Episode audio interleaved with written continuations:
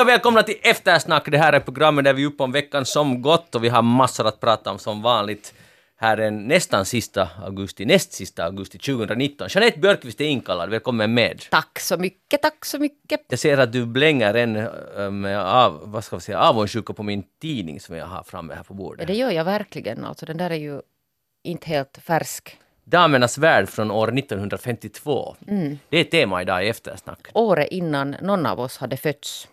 Ungefär. Sidekick idag är Mischa Eriksson. Mischa, väl, välkommen med i studion.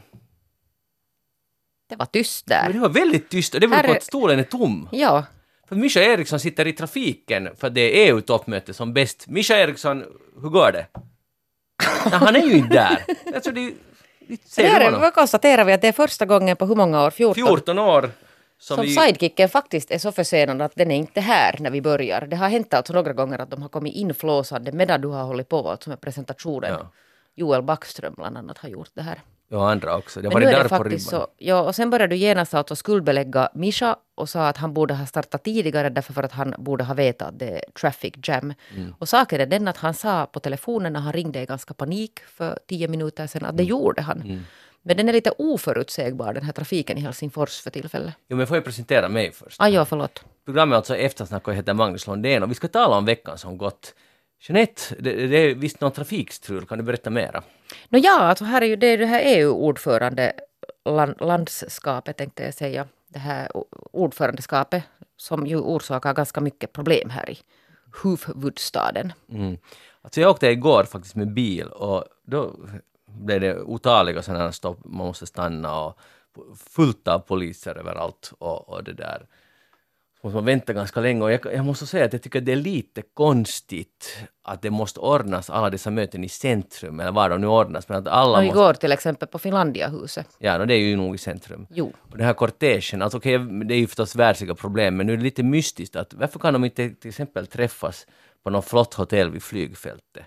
Och, för det här skapar just en sån här att ja, ja, alla politiker måste ha en kortege och det ska vara, allt ska stängas, spärras av och stängas av. Jag tycker det är helt dumt. Det blir liksom en onödig, så här, synlig, eller så här, uppenbar för alla skillnad i, i hur man behandlas. Förstår du vad jag menar? Det är liksom Ja. helt onödigt fixande. Så skulle de nu, då skulle de åka med helikopter i så fall. Men nu kan vi ju inte veta om de kanske också har möten någon annanstans.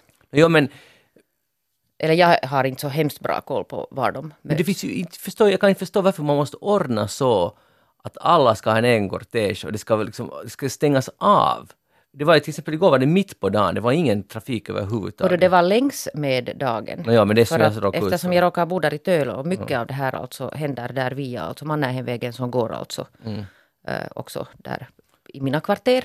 Men nu tycker ju förstås alla som inte, som inte bor i Helsingfors att no, voi voi stackars er, det här är inte så hemskt stora problem och det kan man ju nog förstås hålla med om. Men nu får jag då berätta om en liten incident som hände igår. Alltså, men för att det, är, det är ju helt som du säger att, att det finns jätte, jättemycket poliser alltså överallt.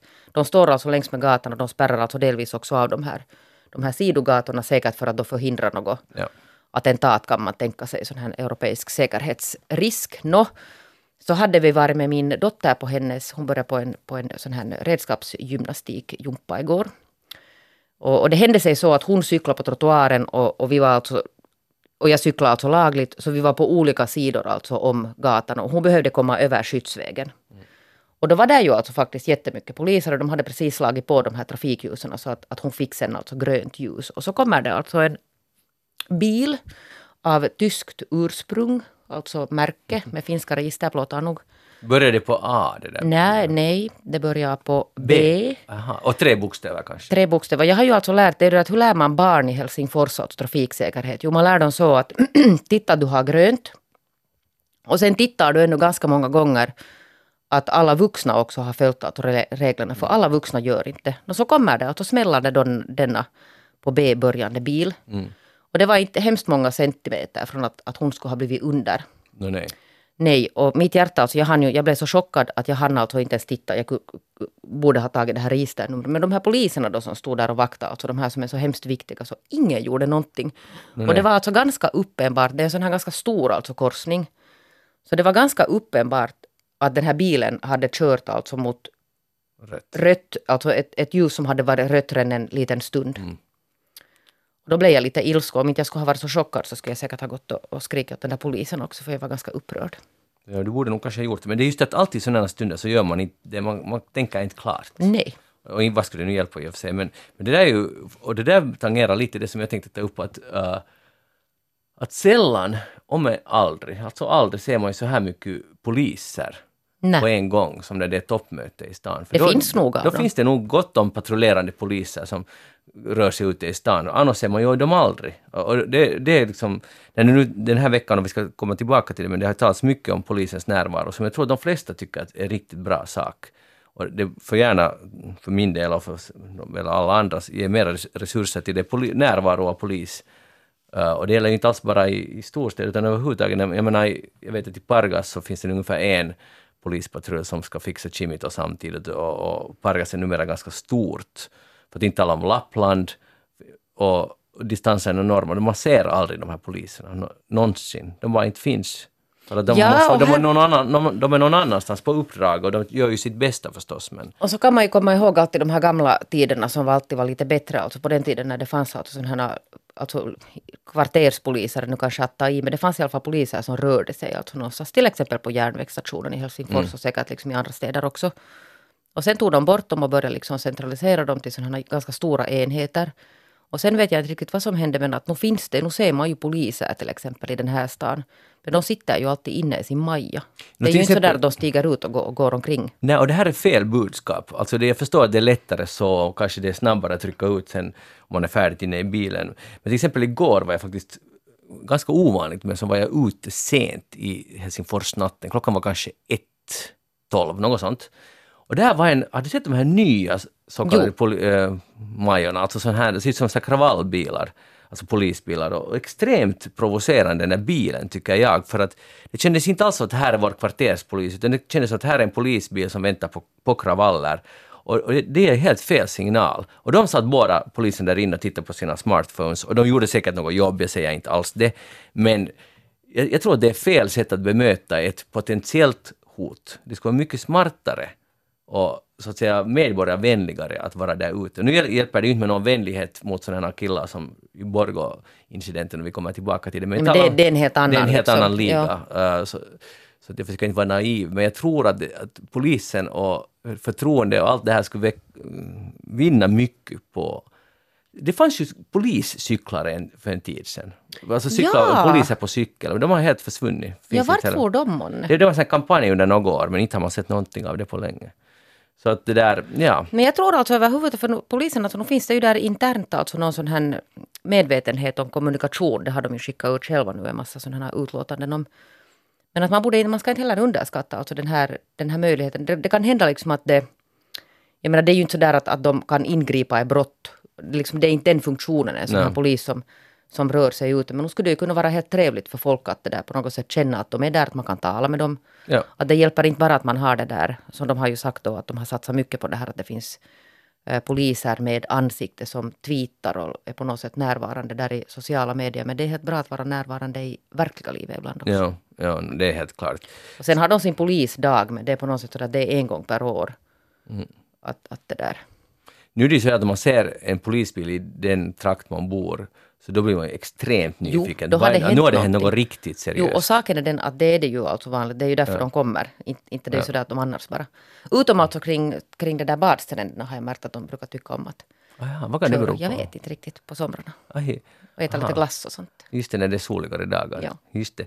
Hör du, men på tal om polisen, så vi kan gå- in på det som hände i Borgå. Det där, jag är säker på att du är som en nyhetsjunkie har följt med det ganska noggrant. Mycket noggrant. Och, och nu öppnas en dörr och in kommer en eh, citrongul Mischa Eriksson. Välkommen med i eftersnack. Med, Mycket andfådd, tack med, ska du ha. med blodtrycket var då 200. Blodtrycket högt och blodsmak i munnen. Och... Men här, Men det där, har du din mobiltelefon nu avstängd om vi börjar med de här standardfrågorna? jag tror till och med att jag lämnade den i bilen. Ja, bra jobbat. Eller glömde. Men såg du mycket poliser? Vi talar här om poliser. Just när jag svängde in hit på Radiogatan kom det en motorcykelpolis förbi. Okej. Och då tänkte jag hänvisa till den diskussionen ni förde. Ursäkta, det här är ganska... Att det där, man ser ju också poliser både på cyklar och sen på så här trevliga, ni vet, tvåhjulingar. Va? Var ser När har du sett dem nu på Inne sistone? i Helsingfors centrum här för några år Va? sedan. Ja, för några år sedan, Ja, jo. men nu, vi talar om nu. Idag, ja, ja, idag så nu. motorcykeln. Nej, men i, ta, andas djupt och ta lugnt. Vi, vi Den kan, är inte så lätt att närma sig den där motorcykelpolisen när han kör, hen Nej, kör hårt nej. förbi. Nej, det var nog en hand den här gången. Berätta lite om, om uh, när insåg du nu kommer du bli försenad. Uh, ja, hör du. Det var ungefär när klockan var 25 före och kön på Åbo motorväg. Inte gick nu riktigt ända till Alberga, då, då överdriver jag. Men till det där 60 kilometer timmen sträcket. Okej. Då märkte jag att dare me, det ser inte bra ut. Nej. Men vad brukar du göra med elever som blir försenade i, i skolan? Vi har, vi har, vi har, vi har, vår senaste regel säger att om du är mer än 15 minuter försenad slipper du inte in. Vitsi, du var nära Jag Mischa vet ja, ja, ja, men jag följde ju mina egna, egna direktiv här. Rektorns egna direktiv. Ja. Det är helt för att hjälpa, hjälpa dig. Ja, men det kändes, måste jag säga, lite surrealistiskt att sitta i bilen och lyssna på en sändning man själv är med i. en livesändning man själv är med i. Det, det kan jag förstå. Men välkommen med i alla fall. Tack, fint att vara här. Jag är skamsen. Ja, och all orsak, ja. Ja. det där. Eh, Vi ska nu tala om, eller vi höll på att tala om eh, incidenten i Borgo, eh, polis, våld mot poliser och så vidare, så det var det vi, vi nu skulle börja diskutera. Och jag höll på att säga att eh, Jeanette, du som är en, Jo, jag har följt med allt. ja berätta nu, va, va, har du här öppna frågor? För här är många saker som är Här är ganska konstiga. jättemånga öppna frågor. Alltså, motivet är helt öppet. Eh, De här alltså exakt, det här exakta händelseförloppet från det att de avlossa skott mot de här poliserna till det att de greps alltså där nära Tammerfors är öppet. Eh, sen är det ju liksom som vi hoppas att få svar någon gång att, att den här polisens kommunikationslinje också. Jag förstår alltså nog på, på många sätt att de måste vara jätterestriktiva. Det finns till och med en lag alltså som förbinder dem att inte, de kan berätta för mycket. Men där är nog en del, en del saker som man tänker att de skulle ha kunnat öppna lite mera i det här skedet. För att det som, det som händer sen när, när man får jättelite information, så det är ju att journalisterna alltså börjar ta fram egen information. Och nu hade det just kommit någon sån här Och inte bara journalister. Nej, verkligen alltså inte bara journalister. Men jag menar sådär, om jag tänker nu bara på den här nyhetsförmedlingen. Offi- officiella alltså nyhetsförmedlingen. Eh, och så brukar det alltid uppstå en sån här liten sån här inflammation mellan medier och polisen. För att polisen tycker inte om det här att man luskar reda på och sen alltså sprider alltså delvis verifierad information och delvis alltså sådana uppgifter som man inte verifierade. Och så blir det alltid. Men, men det, det är liksom en så exceptionell händelse det här. Så att, att jag, jag försvarar nog alltså journalistiken här. Men litar du inte på att polisen berättar det de kan berätta? De har ju en Inte utredning på gång. alltid. Inte alltid.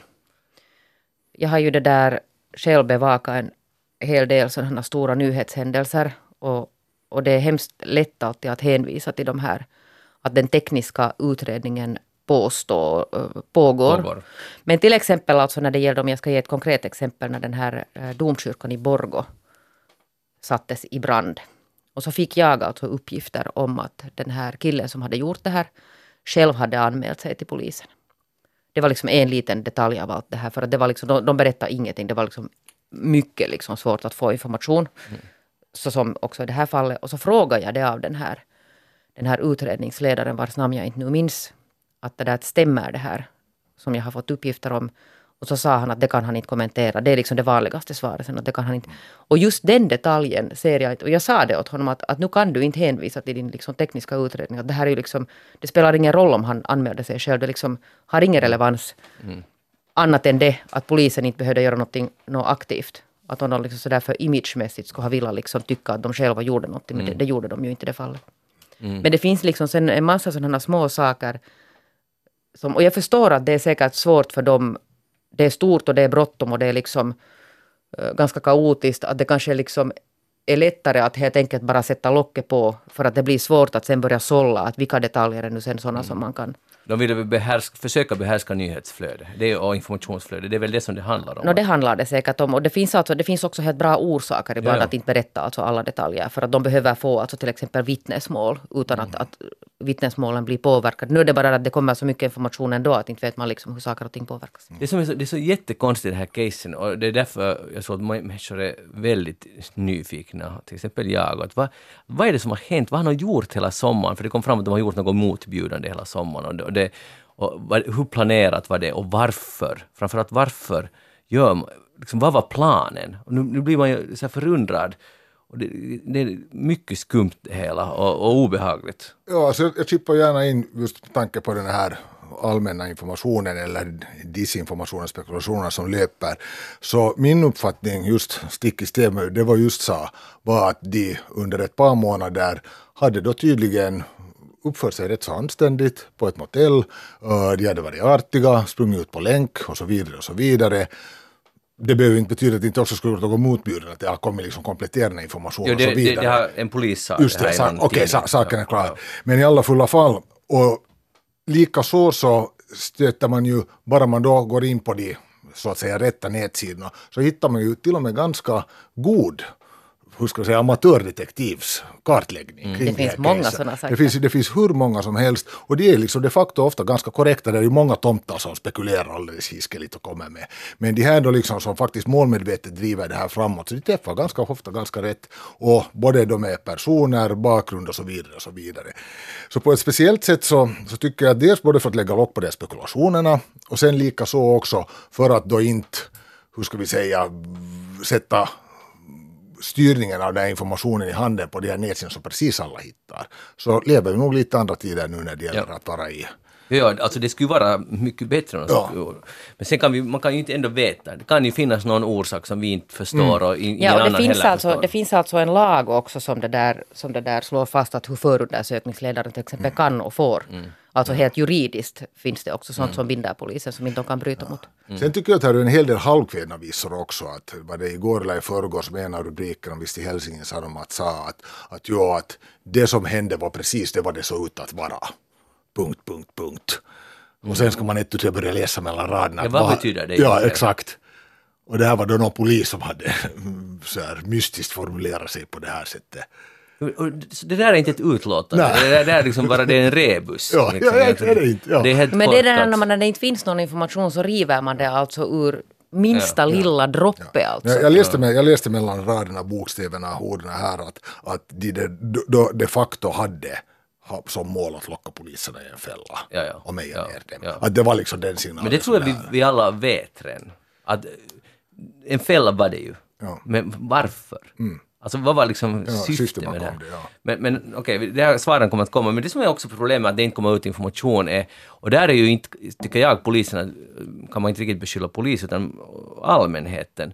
Att sen börjar det spekulationer om vem det är som har gjort det och tillhör de en viss religion eller är det en terrorist igen? Och på, på noll liksom, faktabakgrund så kastar man ut så här och börjar skapa och sen tystas det, det bara försvinner sen när det visar sig att de var ju både finländare och svenska eh, medborgare, eller ena i alla fall, dubbelmedborgare och svenska. Så då är det, oj, då försvann det. Och ingen tar ansvar för sån här ryktesspridning. Att det skulle, och då borde liksom, alla helt enkelt borde bara vara tysta. Ända tills man vet vem det är som har gjort det. Sen kan man börja diskutera. Men det, där finns en stor lockelse också, det att dra en snabb slutsats. Absolut, ja. Sen är det tänker jag så här också, just som du säger, jag menar om då det här automatiska stämplande som man då ofta tar sig till i de här fallen. Om det får rätt så får man vatten på sin kvarn, vad var det jag sa? Om det får fel så, så då, då drunknar det. Ja, det bara Ja, försvinner. något, ja, ja. Det är just det här som är Ja. lömskt i, i den där taktiken. Nå, Jeanette, kommer du att följa med under helgen nu vad som händer? Det var ju ändå i din hemstad allt började. Nå, det var ju det. Alltså det där, jag tror om jag nu inte helt alltså ute och cyklar, vilket ju också är möjligt, men där i Ölstens fanns ju alltså tidigare en flyktingförläggning för jättelänge sedan. Jag undrar om inte det är den som nu omvandlades till det här motellet. Så det där, ja, jag följer nog med det här. Just det. Jag har, nu tror jag ju bara tyvärr att det inte kommer ut någonting, någonting hemskt mycket nytt här på veckosluten. Sen får vi inte glömma bort det att, att i något skede så tappar folk intresse också. Alltså vanligt folk, inte jag, men vanligt folk. Nej, inte du. Eh, Sannfinländska Laura Huhtisaari hade ju på tw- Twitter, jag tror det var på söndagen, en fråga, en sån här omröstning om vill att folket skulle rösta. Eh, och det hade nog att göra med det här så här indirekt. Uh, vad är det största säkerhetshotet mot Finland? ly- lydde frågan. Så ska man då rösta och alternativen, det fanns bara två alternativ. Det ena var det gröna eller de invandringskritiska. Och så tyvärr gick det nu så i det här fallet för Laura att uh, den här tweeten spred sig också till sådana som inte tycker som hon.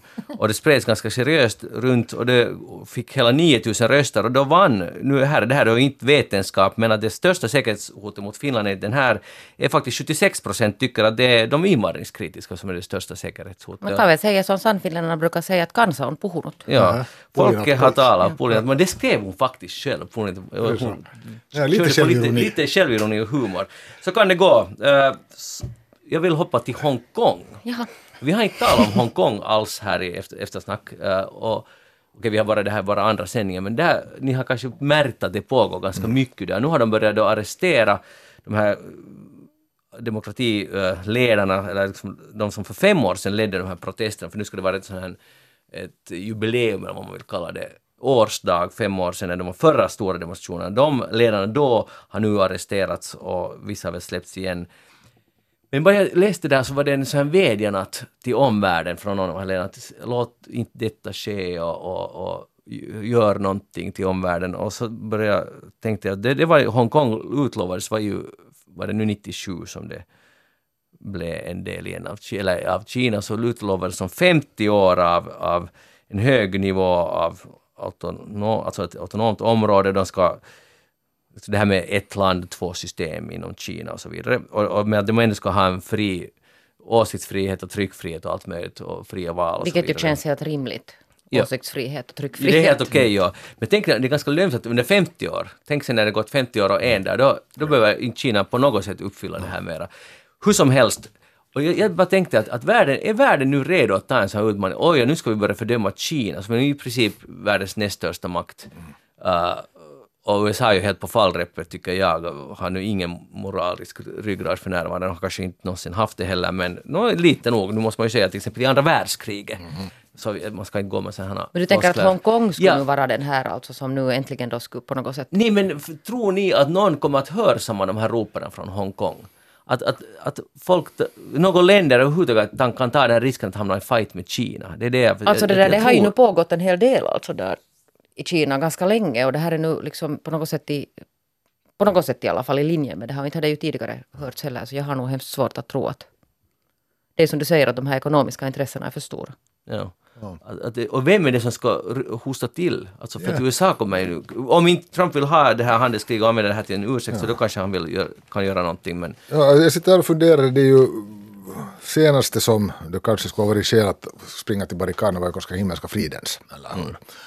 Och jag minns inte att det skulle ha varit några nå det där stora, stora folkmassor i rörelse då. Men nu var det ju lite. Nu Ja, det- en smula, ja, men sen om du jämför till exempel med Gulfkriget, tidigt 2000-tal, så där gick ju folk nog man ur huset och, och där var ju liksom en enorm, men över egentligen hela Västeuropa. Att där är en intressant fråga också, att är det så här att, att Kina som ju mm, är rätt så nära en totalitär diktat- diktatur så känns det på något sätt meningslöst att ta itu med det jämfört med den demokrati som vi ändå uppfattar USA som. Förstår du vad jag menar? Jag förstår Att det- precis vad du menar. Ja, ja. Och det, det här förstärker ju det, var, Ja. vet vad jag just sa, att man bara, det är för stort och det är Ja. det som ett system som vi inte känner vi kan påverka. Ja, så de lyssnar inte ens utan. Nej. Ja. Och de, har, de behöver kanske inte lyssna, Nej. tänker man. Ja. Så, men jag menar bara att, att jag, jag tycker lite synd om de här, de är ganska tappra och modiga, Mm. inte bara ganska utan extremt modiga de här som protesterar där, men jag vet inte om omvärlden kommer att ge dem något stöd. Eller om vi nu ska vara riktigt cyniska, vilket är lite ledsamt en vacker augusti eftermiddag, att spelar det någon roll även om vi det där stödet. Mm. Det och borde och ju nej, stöd. och, det, och det, borde, det ska ju inte liksom hindra oss från att, från att det där säga, säga ut, men, men det är antagligen just så här att, att det är liksom som att skrika i en brunn. Att där. Men det är klart att om hela världen skulle fördöma men så skulle det ju ha betydelse. Nu är Kina ju också beroende av omvärlden. Ja, ja, nu talar vi till exempel här bara för någon vecka sedan om vad som skulle hända om vi skulle bojkotta Brasilien för att de skulle släcka bränderna. Eller hur? Ja. Jag menar, det är ju jämförbart. Vad händer om vi bojkottar på sätt eller annat Kina? Globalt. Ja, om det skulle finnas den viljan, men den tror jag inte att finns. Ja, men för, ja, nej, inte ännu, eller som sagt den här folkrörelsen har jag inte ännu riktigt hört av. Jag menar, medan det är nog däremot, som sagt när det gäller Brasilien så kan jag föreställa mig att en och annan tänkte att ska, kanske vi skippar sojabönorna nu. Och det tycker jag är helt rätt tänkt. Ja, absolut, utan vidare. Ja. Men, men på Kina, då borde... Alltså, för om de nu slår till mot Hongkong, så nu är det det är extremt upprörande. Ska, vi, ska vi ta vår egen, vi börjar med att vi beställer ingenting från Alibaba mera. Jag har aldrig beställt något. Nej, då, då, kan du, då, är du på god det, väg. var en, det var en lätt bojkott för mig att göra. Never heard ens, så jag, jag börjar inte heller. Större Amazons, näst störst Nej, jag, efter nej, nej, nej, Amazon. nej, nej, nej, nej, Har du aldrig hört om Alibaba? nej. Men jag är inte inne i sådana här nätshoppare. Nej, just det. Nej. Okej, no, men det, blir- det var nog en ganska tam bojkott här. Okej, aldrig mera... No, men alltså, allt som Ja, nej, gjorts jag, i Kina och jag, så jag grubblar lite antagligen, så 90 det är just procent det- av det vad jag äger är gjort där. Ja, det är ju just det. Det var inte lätt. Uh, om ni har goda råd till hur man, vad man, hur man ska förhålla sig till Hongkong-frågan så skriv in på facebook.com eftersnack eller e-posta oss på eftersnacksnabelayle.fi så funderar vi vidare. Hej, uh, andra muntra nyheter. Har ni läst om Jeffrey Epstein, alltså den här miljonären i USA som begick självmord som hade då haft visade sig att han hade ha haft massa unga kvinnor som i praktiken som sexslavar i stor del av livet. Och, det där, och jag började läsa en artikel i New York Times som går, går ganska noggrant igenom det här. Han begick då som sagt självmord här för några veckor sedan. Jag tror att de flesta känner till det. Men när man börjar läsa det där, så nu är han ju borta så han kan inte ställas till svars mera. Och, och vissa åtal har väl lagts ner men, men det kanske ändå fortsätter. Han var Därför- ju alltså på väg att ställas till svars. Jo, jo. Ja. Ja, och han, tidigare var han, då kom han undan genom en Ja. sån här jättekonstigt arrangemang. Alltså så verkligen obehagligt att det kunde gå igenom. Han kom undan med, med ett mycket milt straff och så vidare. Men det är i alla fall. Mm, så börjar man läsa de som har gjort allt det här möjligt, de här kvinnorna omkring honom. Så först har han oftast då utnyttjat dem och sen kommer de liksom bli de hans huvudfixare. Alltså en hel stab med kvinnor som fixar nya kvinnor dit. Ofta, eller som yngst var det en 14-åring och en gång kom det en 23-åring dit som någon hade fixat. och Då sa herr Epstein när hon är för gammal att bort med henne. Och de blev lockade, alltså de skulle, de skulle rikta in sig på unga kvinnor som är ekonomiskt desperata. Och lova, eftersom det kostar så mycket att studera på college eller på universitet i USA så lo- lovar man, man lockar med utbildning och att du får resa mycket. Och ju mindre kläder du har på när du gör den här massagen, ju mer som du liksom går med på, desto bättre liksom, mera pengar och mera utbildning och mera resor får du. Och, och vi talar inte om någon en eller två kvinnor, vi talar om ett helt system. Men de som möjliggjorde systemet var de här kvinnorna, som hans liksom undersåtar, som han... Och, alltså det, Men vänta, var det så att de, Ett, ett, det är lite bisarrt Stockholmssyndrom men var det alltså. Ja, ja, men alltså det var Ja. just sådana kvinnor som själva hade alltså först En del av dem, ja. Men det där är ju inte alls ovanligt. Nej, det är alltså. medberoende vad man ska kalla det. ja, Alltså, inte bara det, utan det där är jätte, jätte det där vanligt också, alltså om man tittar på människohandel. Så Ja. Till exempel de här nigerianska människohandelsoffren, så hemskt ofta är det alltså såna här, de här madammarna är många gånger sådana som själva alltså har varit. Och jag tror att det handlar om att man alltså bryts ner Precis. själsligt, alltså så mycket att man inte helt enkelt liksom mera är kapabel att, att det där motsätta sig. Men det handlar lite om, och, ja, men jag är inte säker att alla har varit sådana, men en del har definitivt varit sådana uh, som har varit självutnyttjade. Andra har bara varit någon hans älskarinna, någon och sen vill hon att han ska få ännu mera, jag vet inte. Men det var liksom häpnadsväckande att sånt här kan fortgå och det bara fortsätter och fortsätter och alla spelar med och det tangerar lite det som vi talade om förra veckan. När människan, när vi människor slutar tänka själva. Att man är, man är med i ett system, då talar vi om den här självmordssekten, eller vad det, det var också andra saker, men man är med i, mitt i och man kan inte se klart. Och det måste ju det måste ju gälla oss alla, att vi slutar se. Det är, jag tycker det är otroligt skrämmande att det funkar på det där sättet. Absolut. Ja, jag menar det här är ju, har på sätt eller annat varit någon form av sekt det här också. Jag Ja. menar, Manson har ju varit mycket på tapeten nu sista tiden. Och då tänker man ju att det här, det här sekttänkande liksom är här sunkiga, otvättade, långhåriga som bor ute i öknen och så vidare. Men sen lyckas du skapa en sån här kult kring Ja. i en lyxomgivning sen i sin tur. Ja. Och, det, och det är det liksom som känns lite, lite udda här. Och, Men, men, ja. men samtidigt för att ännu spinna vidare liksom på det här, men samma var ju liksom med det här Wein- Weinstein också. Hur han liksom år ut och år in liksom kunde, var, antagligen konstaterar man bara att, ja, att han är nu sån. Ja. Ja, att han är nu sån att det är nu talossa talon tavalla, huset på husets väg och ingen liksom, före sen ett, tu, tre liksom, någon sprängde banken och sa titta kejsaren har inga kläder så då liksom började dominoblickarna falla. Det, alltid, det krävs någon, en eller ett par modiga människor. Ja. Men i det här fallet räckte det ju inte ens det för att de, det var några som gick ut med det redan då 2005 och det räckte inte för att Var det- få stopp på Var det det. Miami Herald sen som tog fast i det på nytt och började nysta upp det? Aha, var det den vägen? Jag, jag tror det, ja, alldeles nyligen. Ja, som de började rulla upp det på nytt igen och, och det där. Aj, aj. Jeanette Björkqvist, vad har du tänkt på den här veckan? No, den här veckan och alla andra veckor, alltså utöver då att jag är intresserad av poliser och mord och, och liksom sån här, sån här våld. Så har jag ju en sån här perversion att jag det där kopplar av med att läsa sån här, alltså jag älskar kvällstidningarna, här där de intervjuar människor i olika serviceyrken. Jaha, Om- det är en konstig person men... Nej, det är inte alls. För att det där, jag har en, en vän som jobbar också i någon sån här, eller flera vänner, men den här en som jag råkar nu alltså träffa faktiskt i veckan, som jobbar eh, i en infodisk på ett ställe. Och så börjar vi prata om de här kunderna. Alltså, men vet ni de här, de här artiklarna där man intervjuar servicepersonal om de här mardrömskunderna, för jag tycker Ah. att det är ganska intressant. Alltså, Mums, vet ni? ja, det är bra. Flygvär, flygvärdinnorna som berättar alltså det där att hur man hur liksom sådana här riktigt asiga alltså kunder beter sig. Taxichaufförer läste jag om nu den här veckan, alltså sådana här horrorkundexempel. Och sen har vi då liksom den här infodisken som nog är ett eget träsk känner jag också. Eller kassa, vet ni, kassan som, som jobbar. Att, att, att det där, sen när man riktigt börjar liksom lyssna och läsa på det här. Så nu är det ju alltså, nu är det ju liksom lite konstigt det här att hur, hur folk kan bete sig. Att hon hade nu helt sådana här ganska fina historier om det där, sådana viktiga människor då som kommer och liksom ser, ser på den här infopersonalen som någon slags sån här egen personlig slav som ska liksom verkställa och göra det här att, att ler man inte tillräckligt mycket så då har kunden rätt att ge sån här direkt feedback att oj vad du nu är sur, fast hon alltså inte ens var sur. Och, och där jag tänkte när jag lyssnade på de här historierna så att jag skulle inte stå ut alltså i en infodisk kanske ens fem minuter. Nej, de flesta kunder är säkert riktigt trevliga. Men De att- flesta, ja, jo det säger den här taxichauffören också, här i den här råkar jag just läsa den här veckan också, men att, att det finns då vet ni, han- liksom, det finns alltid någon sån här typexempel, alltså flygvärdinnorna har de här som plingar på klockan och hela tiden har något ärende och liksom på något sätt sådär Visst nu är är en jag... klocka i flyget plingar Nej men den här vet du Knappen där flygvärdinnan, uppe. den här Är knappen. det sant?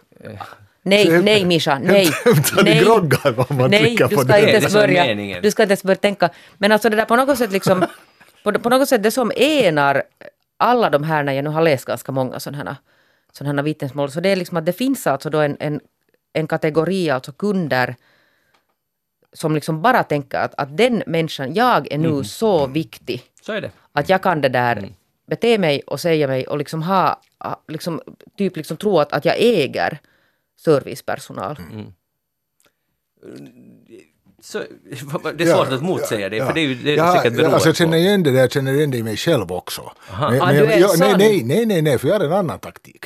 Nå? Jag försöker vara så trevlig att de vill. Ah, hjälpa samma. mig. Det är ju ja, smart. Att, att, det där, att vissa ligor tycker att det är bäst om jag liksom får först groggen och jordnötterna och service och så vidare. Men liksom att jag gör mig så trevlig och, och det där sympis för dem att de tycker att det där hjälper vi till gärna. Tycker du inte alls att det är lite falskt det där? Nej, det, nej, nej, för samtidigt gör det ju också deras vardag bättre. Jag menar med det här så menar jag inte att jag är inställsam eller lismande eller något, det här är mer som folk. Ja. Men, men ändå folk. vill du få först jordnötterna? No, alltså inte för det är oväsen som inte jag får, men det är ju en extra bonus. Men det finns ju alltså då ganska många som för oväsen. Ja.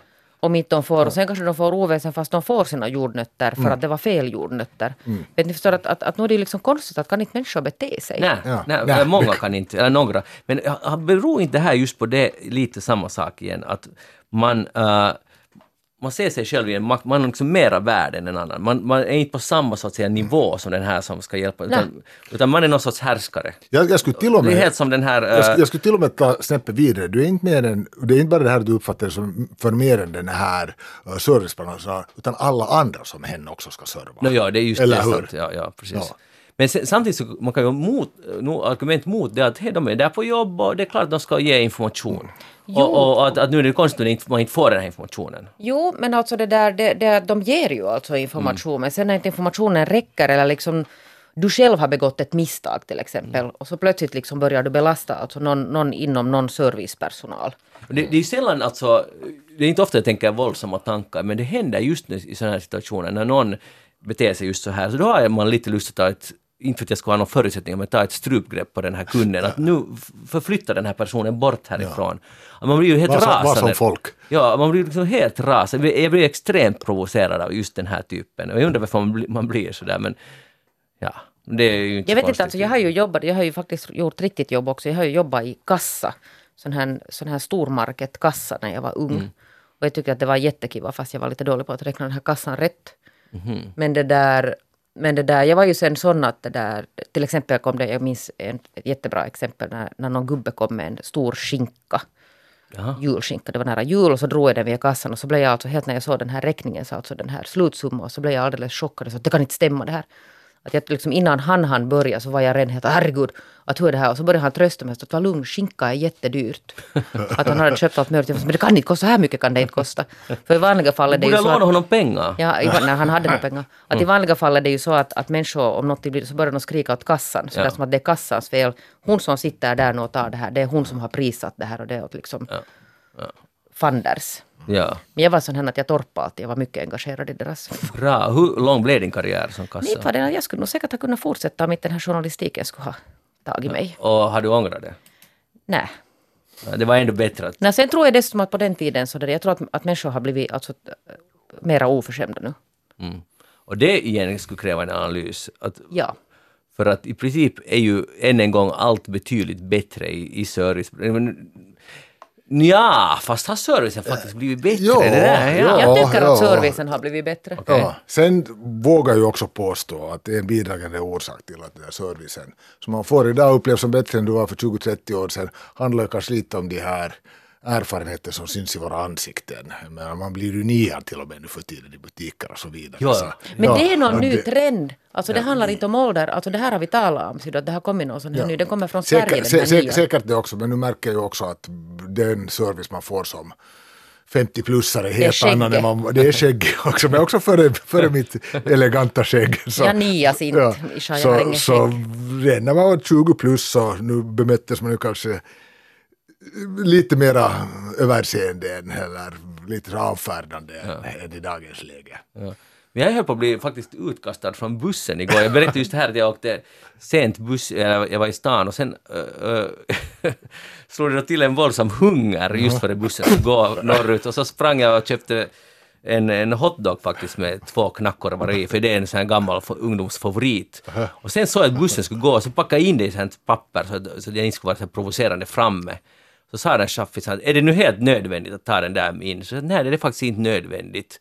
Så han, vad tänker du att göra åt saken? Så jag, "Nå, jag kan gå och kasta bort den. Och så steg jag av bussen gick och kastade bort den han väntade snällt. Men sen sa jag ännu så här surt, är det bättre nu? Sa jag. Så han sa att ja, det är mycket bättre. Så jag måste säga att han, han vann 5-2. Så du fick inte din hoddare? Nej, jag fick inte den Hade du hoddaren. ens tugga av den? Nej, Jag borde ha gjort det. Han skulle säkert varit helt nöjd. Han såg lite hungrig ut faktiskt. Men, att- men att, eh, att nu kan också så här, fem, han, det var inte att han niade mig. Nej. Och jag var lite, lite nöjd för att han bemötte mig som en eh, 19-åring. Okej. Så liksom samma liksom sådär överlägsna attityd. Det är som den frågar papper på Alko. Det är Ja, ja, alltid roligt i den här åldern. Mischa Eriksson, vad har du tänkt på den här veckan? No, ja, tyvärr, vi har haft lite ledsamma, ledsamma ämnen. Jag har nog också ett, tänkte länge om jag skulle ta upp det här eller inte. Men jag tänkte jag tar det nu ändå för, för det, det har liksom, jag är lite tugga på det. Uh, jag nåddes nämligen här om för några dagar sedan av nyheten att en musiker, Neil Casal, Casal hur det uttalas, att han, han, det där, han dog i åldern av 50 år ungefär. Och jag har sett den här killen live ett par, tre gånger. Han har varit en sidekick för många stora band. Jag till och med spelat ett av de här banden här i eftersnack back in the days.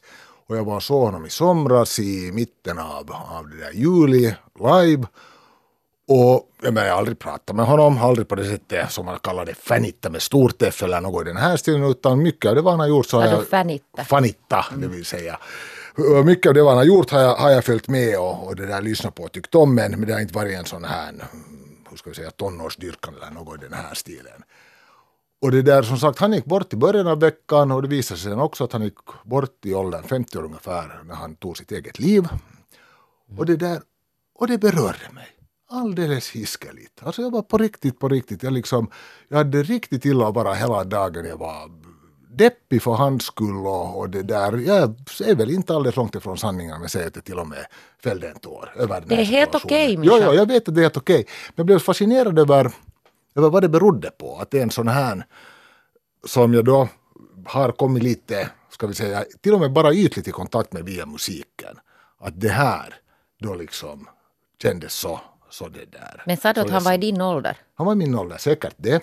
Och sen säkert också det här att, att det där killen har varit med länge, gjort god musik och ändå upplevde då att hans liv i den här åldern inte liksom var berättfärdigt att levas mera. Sen tänkte jag också på det att musik berör alltid hemskt starkt som vi alla som stora musikvänner vet om att, att där hade det liksom skapats någon sån här brygga som knappast mm, behöver säga så hemskt mycket mer om. Men allt det här, jag, menar, det var, jag var riktigt förvånad själv över hur den här, jag menar nu har ens, många av ens kära musiker tyvärr gått bort under de gångna åren också, men det här var riktigt, riktigt så att hoppsan sa att var det det att det var självmord som berörde kanske, dig? kanske lite det också. Det var liksom lite så en extra grej dessutom. Att hoppsan att, att det där, att det var ju väldigt ledsamt där också. Men, men framförallt på något sätt att jag hade, hur ska vi säga, hans musik på många olika sätt var mig mycket kär. Mm. Och det här att sen ett tu tre så har plötsligt livsen bort. Men vet du, det, det är helt okej Mischa. Jo, jo. Och jag jo, tror inte att ja. det är särskilt onormalt heller. Nej, det, Det tror jag där, inte. och särskilt om man har liksom någon form av sån här personlig... Alltså Ja. Vi satt ju här förra veckan med Pia-Maria och, och var nästan tårögda, eller till och med kanske lite tårögda över Claes Anderssons Mm, ja, precis. från Fälle. Det är bättre att tåren kommer Ja, absolut. än att ja. man håller den tillbaka. ja, jo naturligtvis. Men, men du, ja. du, du, du är ändå förundrad över din egen Ja, reaktion? ja exakt. Ja. Jag menar, det handlar inte överhuvudtaget om att jag skäms eller, eller att jag nu ett tu tre vill lyfta fram att Kara kan också gråta och så vidare. Men det, liksom, det var ändå en, hur ska vi säga, om inte nu avlägsen men ungefär som om, säg Prince uh, trummis ett tu tre skulle, skulle ha gått bort. Ja, alltså det är ju ledsen men jag skulle inte gråta för det. Nej. Nej, och, och, jag, jag, jag är lite förvånad över din reaktion. Det betyder att den här musiken måste ha betytt Ja. Mm. dig, för dig personligen ganska mycket. Ja. För att jag, har, jag har lite svårt nog att just, låt oss ta någon amerikansk, varifrån var han? Uh, USA. Ja, nå, en, att någon musiker där, även om den musiken skulle vara bra, så inte, inte, jag kan inte riktigt klämma fram en tår. Nej. För jag, jag brukar spara dem för nära. ACDC. Ja, ja. Nej, inte, inte ens för det skulle jag Nej. gråta. Jag skulle nog bli sådär, snarare börjar man ju kanske fundera på att oj vad tiden går. Mm. Och speciellt och, och, och det är kanske ledsamt men att, att, bli perso- alltså att bli personligen ledsen. För det, så det, det kan jag inte riktigt känna igen här, eftersom nej, man inte nej, känner den här nej, människan. nej, men nej, nej, musiken exakt. gjorde att du kände honom. På sätt eller annat gissar jag. Eller, eller som sagt, det har 10-15 år har jag följt med en, eller ungefär 10 år, hans senaste projekt och, och det där sprungit på konserter och så vidare. Så det har varit en sån här lite, lite det där deras musik och deras konserter lite så här smultronställe för mig. Att, att det här, Men det kan hänga så du ihop med allt det. Säkert, Alltså ja. allt vad du förknippar, Ja. alltså att, att det liksom Ja. är på det sättet liksom en, en större personlig, att det handlar Ja. inte bara om en Nej, nej, det är alldeles klart att det är mycket annat också som, som det där menar slutet på ett visst sätt på en sån här, vad ska jag kalla det, om inte en period, det är det ju inte, men, men det där. En epok, ja, ja, whatever. Ja, men det var, men det var så att det var lite så här när jag tog ett steg bakåt och tänkte, men herrejessen, hur reagerar du så där? Nej, men och sen alltså Mm. den här, det här, just det här med sån här självmord som ju är, det är ju ett hemskt sätt alltså. Ja. För de som är kvar. kvar, Alltså, ja. jag menar, nu talar jag liksom sådär, inte bara om musiker Ja, utan överlag. överlag. Ja. För att det där, och jag menar i det här fallet så kan det ju vara det att, att det där också där man tror att allting skulle vara så bra. Så, så Ja. finns det liksom, det finns faktorer som leder människor till så här liksom extremt drastiska beslut. Ja. Och det gäller ju alltså särskilt de som har upplevt det i sin Och, och närkrets. med tanke på det så förstår jag tårar. För jag tycker att varje självmord är, är många tårar. Ja. för Det är helt massor av fruktansvärt. människor. Så det, det är en annan sak. Nå men, du har kommit över det. Jag har kommit över, jo, alltså, jag lyssnade ju på hans, framförallt hans lite äldre musik jag inte hade konsumerat så mycket, så lyssnade jag på med, vemod nu och, Mm. och det där, och den finns ju kvar som det Musiken heter, men- finns kvar. Ja, ja. Hörni, uh, vi ska switcha över till en lite mera Aktuell sak. aktuell Ja. sak. Jag hade då uh, Damernas värld från nummer 15 från 1952 här framför mig. Och jag har läst den nu egentligen perm till perm. Uh, Men varifrån har den där kommit? Jag vet inte, jag tror att jag har någon gång shoppat den på någon, någonstans, men den låg på vårt vardagsrumsbord. Jag vet inte, det är så att min fru har börjat läsa den, men den låg där plötsligt och den, jag var på väg hit till rundradion och så tänkte jag att den här vill jag ju ha. Jag hade glömt att läsa den tidigare och nu har jag mycket att rapportera om könsrollerna på 50-talet. Och det är alltså, det är Ja, nu, jag, nu förstår jag så mycket mera. Och varför vi är där vad vi är och varför vi var där vad vi var då. Alltså, det är ändå en tidning för kvinnor, Damernas Värld, den finns ju ännu, vad jag vet, fortfarande. Men här är allt egentligen, nästan allt handlar om hur man, kvinnan ska göra så att mannen har det bra. Och, och, och nu säger många god morgon yxskaft Magnus, och, men jag levde inte 1952. Det där, eh, och jag vill bara, eh, det är värt att upprepa, här är till exempel sån här eh, kokspalt vad man ska dona för. Och ganska bra spanska lammkotletter med och mocka fromage och allt möjligt gott. Spenat kaka med ostsås och så vidare. Dag för dag man, hur man ska fixa det. Och vet ni, här är faktiskt eh, ett foto, så det är duk från Stockman, Helsingfors, på bild. Så att på den tiden Stockman liksom hade impact ännu i damernas värld. Det är länge sedan dess, men i alla fall, men rubriken för, det, för hela matspalten är tydligen alltid det bästa han vet. För sånt där står man, frugan, och det enda hon behöver funka på att han ska få det bästa. För det är det viktiga, det är det enda, enda som är, och det fortsätter. Sen är här, um, här är en egen spalt Pappa upp i dagen. Och det där söta pappor och barn i DVs barnfototävling. Så det är en hel sida där man, mamman får skicka in foto på sitt barn och visa hur jättelik sin pappa det här barnet. Förstår det spelar ingen roll hur morsan ser ut. Nej. Att det är bara jättefint om man liknar, liknar pappan. Och här är, jag började sen googla, här är Carl Gunnar, son till Carl Hugo Hallgren från Piteå. Och så hittade jag hur han ser ut idag. Jag måste säga, alltså den här, nu, på bilden är han fem år och här är en bild av hans pappa som då, jag googlade, han dog 1983 och nu, nu hittar man på nätet hur han ser ut idag. Och han liknar nog sin farsa ganska mycket. Han blev läkare och allt möjligt. Och dessutom är han revisor i Umeå seglarklubb. Jag vill att ni skulle veta det här. I alla fall. Men, och också här döttrarna, att hur viktigt det är att de ska likna sin farsa. Liksom det, det är both ways. Nå, så fortsätter det här på Med mustasch och allt. mustasch och allt. Aldrig för ung. Även en nypon ros fräsch ung flicka måste tänka på den dagliga skönhetsvården. Skönhetsexperten Lillemor van Ingeland ger vettiga råd och så står det så här. Längtan efter skönhet och önskan att behaga är mycket kvinnliga egenskaper som snarare bör uppodlas och ledas in i rätta fåror än förkvävas. Då dessutom den moderna makeupen inte på något sätt är skadlig för hyn utan tvärtom vårdar och skyddar den är det helt naturligt att även unga flickor vill vårda sin hy och rätt förvalta den tillgång som en frisk hy utgör. Så fortsätter det. Uh, Om man är, ser bra ut och man har sminkat sig och har rött läppstift så står det Det stärker självförtroendet en balkväll att veta den rödaste punkten i ansiktet utgörs av de friskt lysande läpparna och inte av de blossande kinderna. Så är, det för, så är det för vuxna kvinnor och så är det säkert för pubertetskänsliga flickor också. Nå, så fortsätter här en artikel Mannen och pengarna. Där, det är på något sätt lite så här, vet du, prefeministiskt, att det börjar nog vara helt okej att också kvinnor jobbar. Men så kommer skribenten som är en kvinna själv, kommer ändå till slut fram till att det här, för säga vad man vill, Rent biologiskt är det ju i djurvärlden, åtminstone i de flesta fall, hanen som skaffar hem maten och honan som tar hand om ungarna. Ingen ska få ur mig att det inte är ett att det inte är en urinstinkt hos männen att stå för uppehället och skaffa mat åt, åt honan och ungarna. Och så fortsätter det så här. Eh, och så säger det också, en karl, tycker, en karl tycker om att bli beundrad och uppskattad för sina gåvor. Den kvinna som sarkastiskt konstaterar att det där skulle jag kunna köpt mycket bättre själv gör en oförlåtlig dumhet. Nu ska du komma ihåg att det finns människor som längtar tillbaka till det här 50-talet. Ja, längtar du? Nej, alltså jag skulle säga, när jag sa människor så kanske jag menar män. Ja. Jo, jo, det- Nej, det är alltså bisarrt nog, helt på tal också om, om det Epsteins hov, det där hov så, så kvinnor också. Ja. Tycker det var lättare förr. Ja. Och tydligare. Men det, det bra, för ni, ni, det var just det här jag ville diskutera. Att, finns det ett sug efter det här? För jag vill bara berätta om den här världen som jag nu har lärt mig mycket om.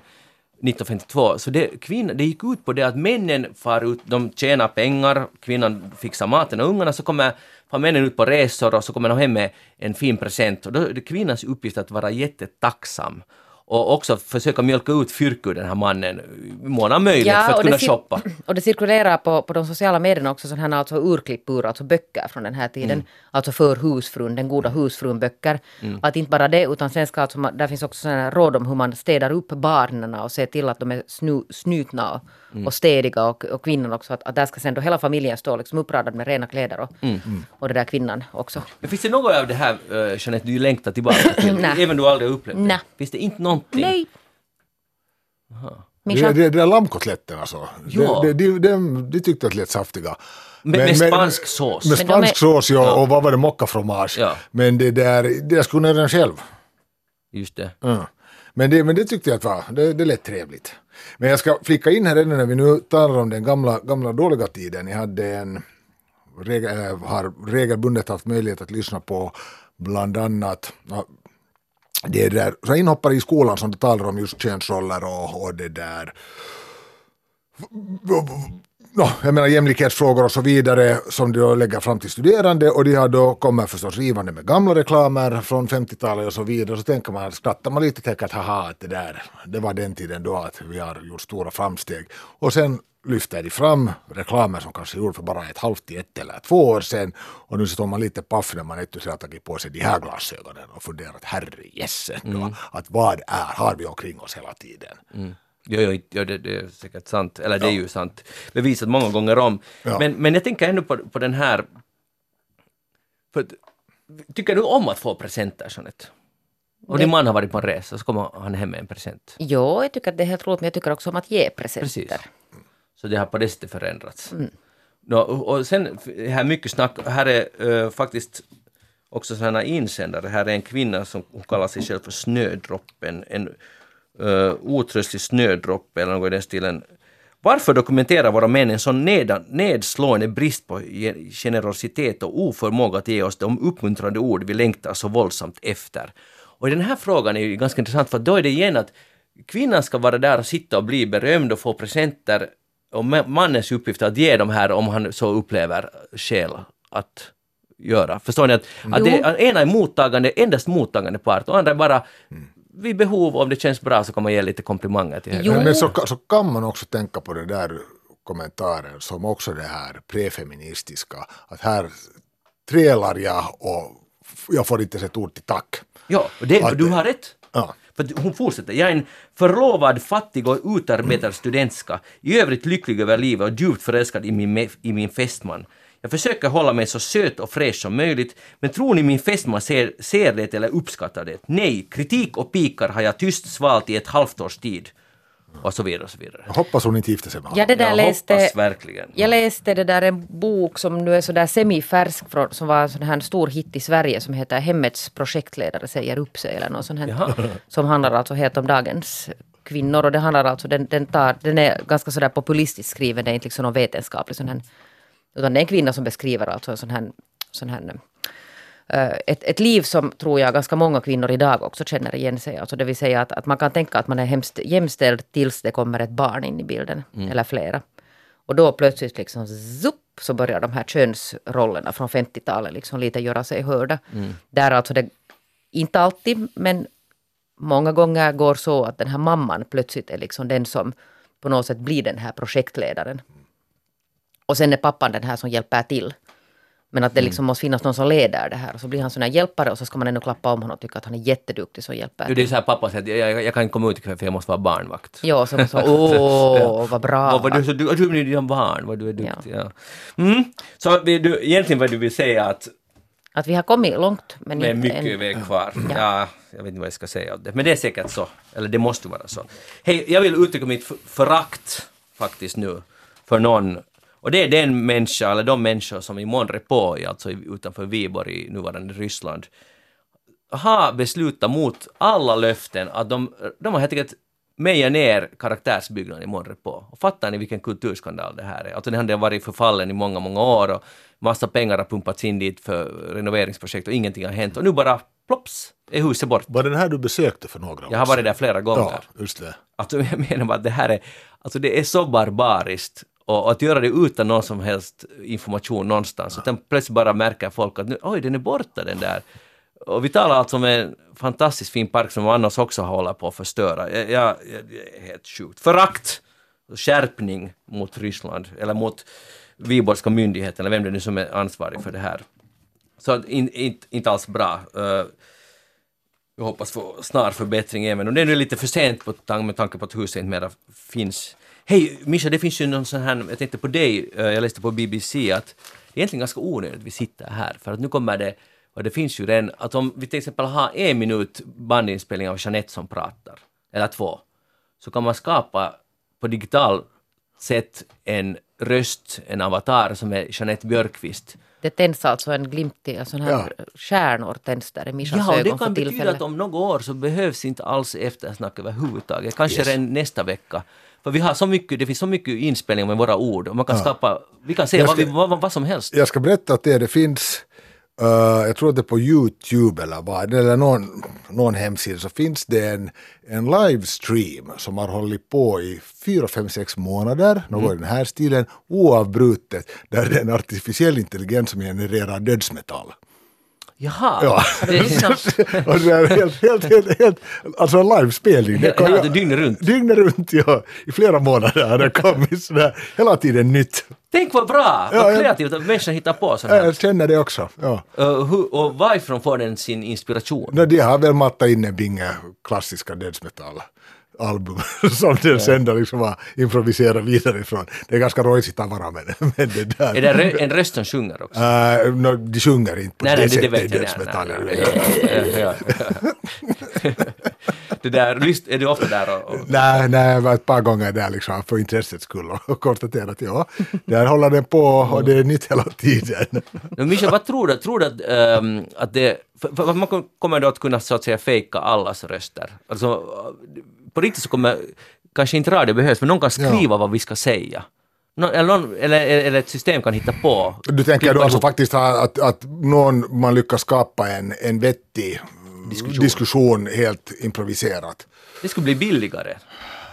Att, Eller, eller, eller jo och nej, det skulle inte ersätta men det skulle bli ett alternativ. Ja. Eller hur? Nu kan du ju, roligast är det ju när det är på riktigt och live, men nu skulle det vara väldigt, väldigt intressant också att höra en, en som du inte egentligen kan skilja ifrån och konstatera att herre jösses då, hur genererar du det där som låter riktigt vettigt? Ja, och Mischa tycker att det här låter bra. Vad tycker Fascinerande. du? Fascinerande. Men fascinerande kan man ju säga att det låter, men bra tycker jag kanske nu inte att det låter. Nej.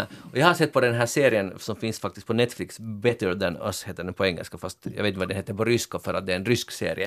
Och det handlar just om robotframtiden, bara några år framåt, och den är överraskande bra, måste säga. Och det är inte ofta jag tycker att någon serie är bra överhuvudtaget. För det, Mischa, eh, du fick härmed sparken för att för nästa gång har vi en avatar. Dessutom var du försenad 14 minuter. Så du, du förtjänar verkligen inte en plats här. Och nästa gång har vi en digital Mischa här. Och det blir, ser vi fram emot. Jeanette Samma gäller mig. Samma gäller nästan Och dig. dig. Och, och också mig. Jeanette Björkqvist, tack för att du var här. Damernas värld. Uh, representerar Damernas värld. Mischa Eriksson, tack för att du var här. Uh, och förlåt igen, Förlåt. Uh, och kommer det att ske på nytt? aldrig. Nej. Jag skriver det hundra gånger Och- på och du svarta skäms. tavlan. Ser du inte hur kinderna blossar? Ja, jag kommer aldrig mer att försena mig skriva. Hundra gånger. Bra. Jag heter Magnus från det program, alltså Eftersnack. Vi är tillbaka igen om en vecka med nya sanningar och, och allt möjligt annat. Vi hörs igen då. Ha det, så, ha det riktigt bra. Hej då.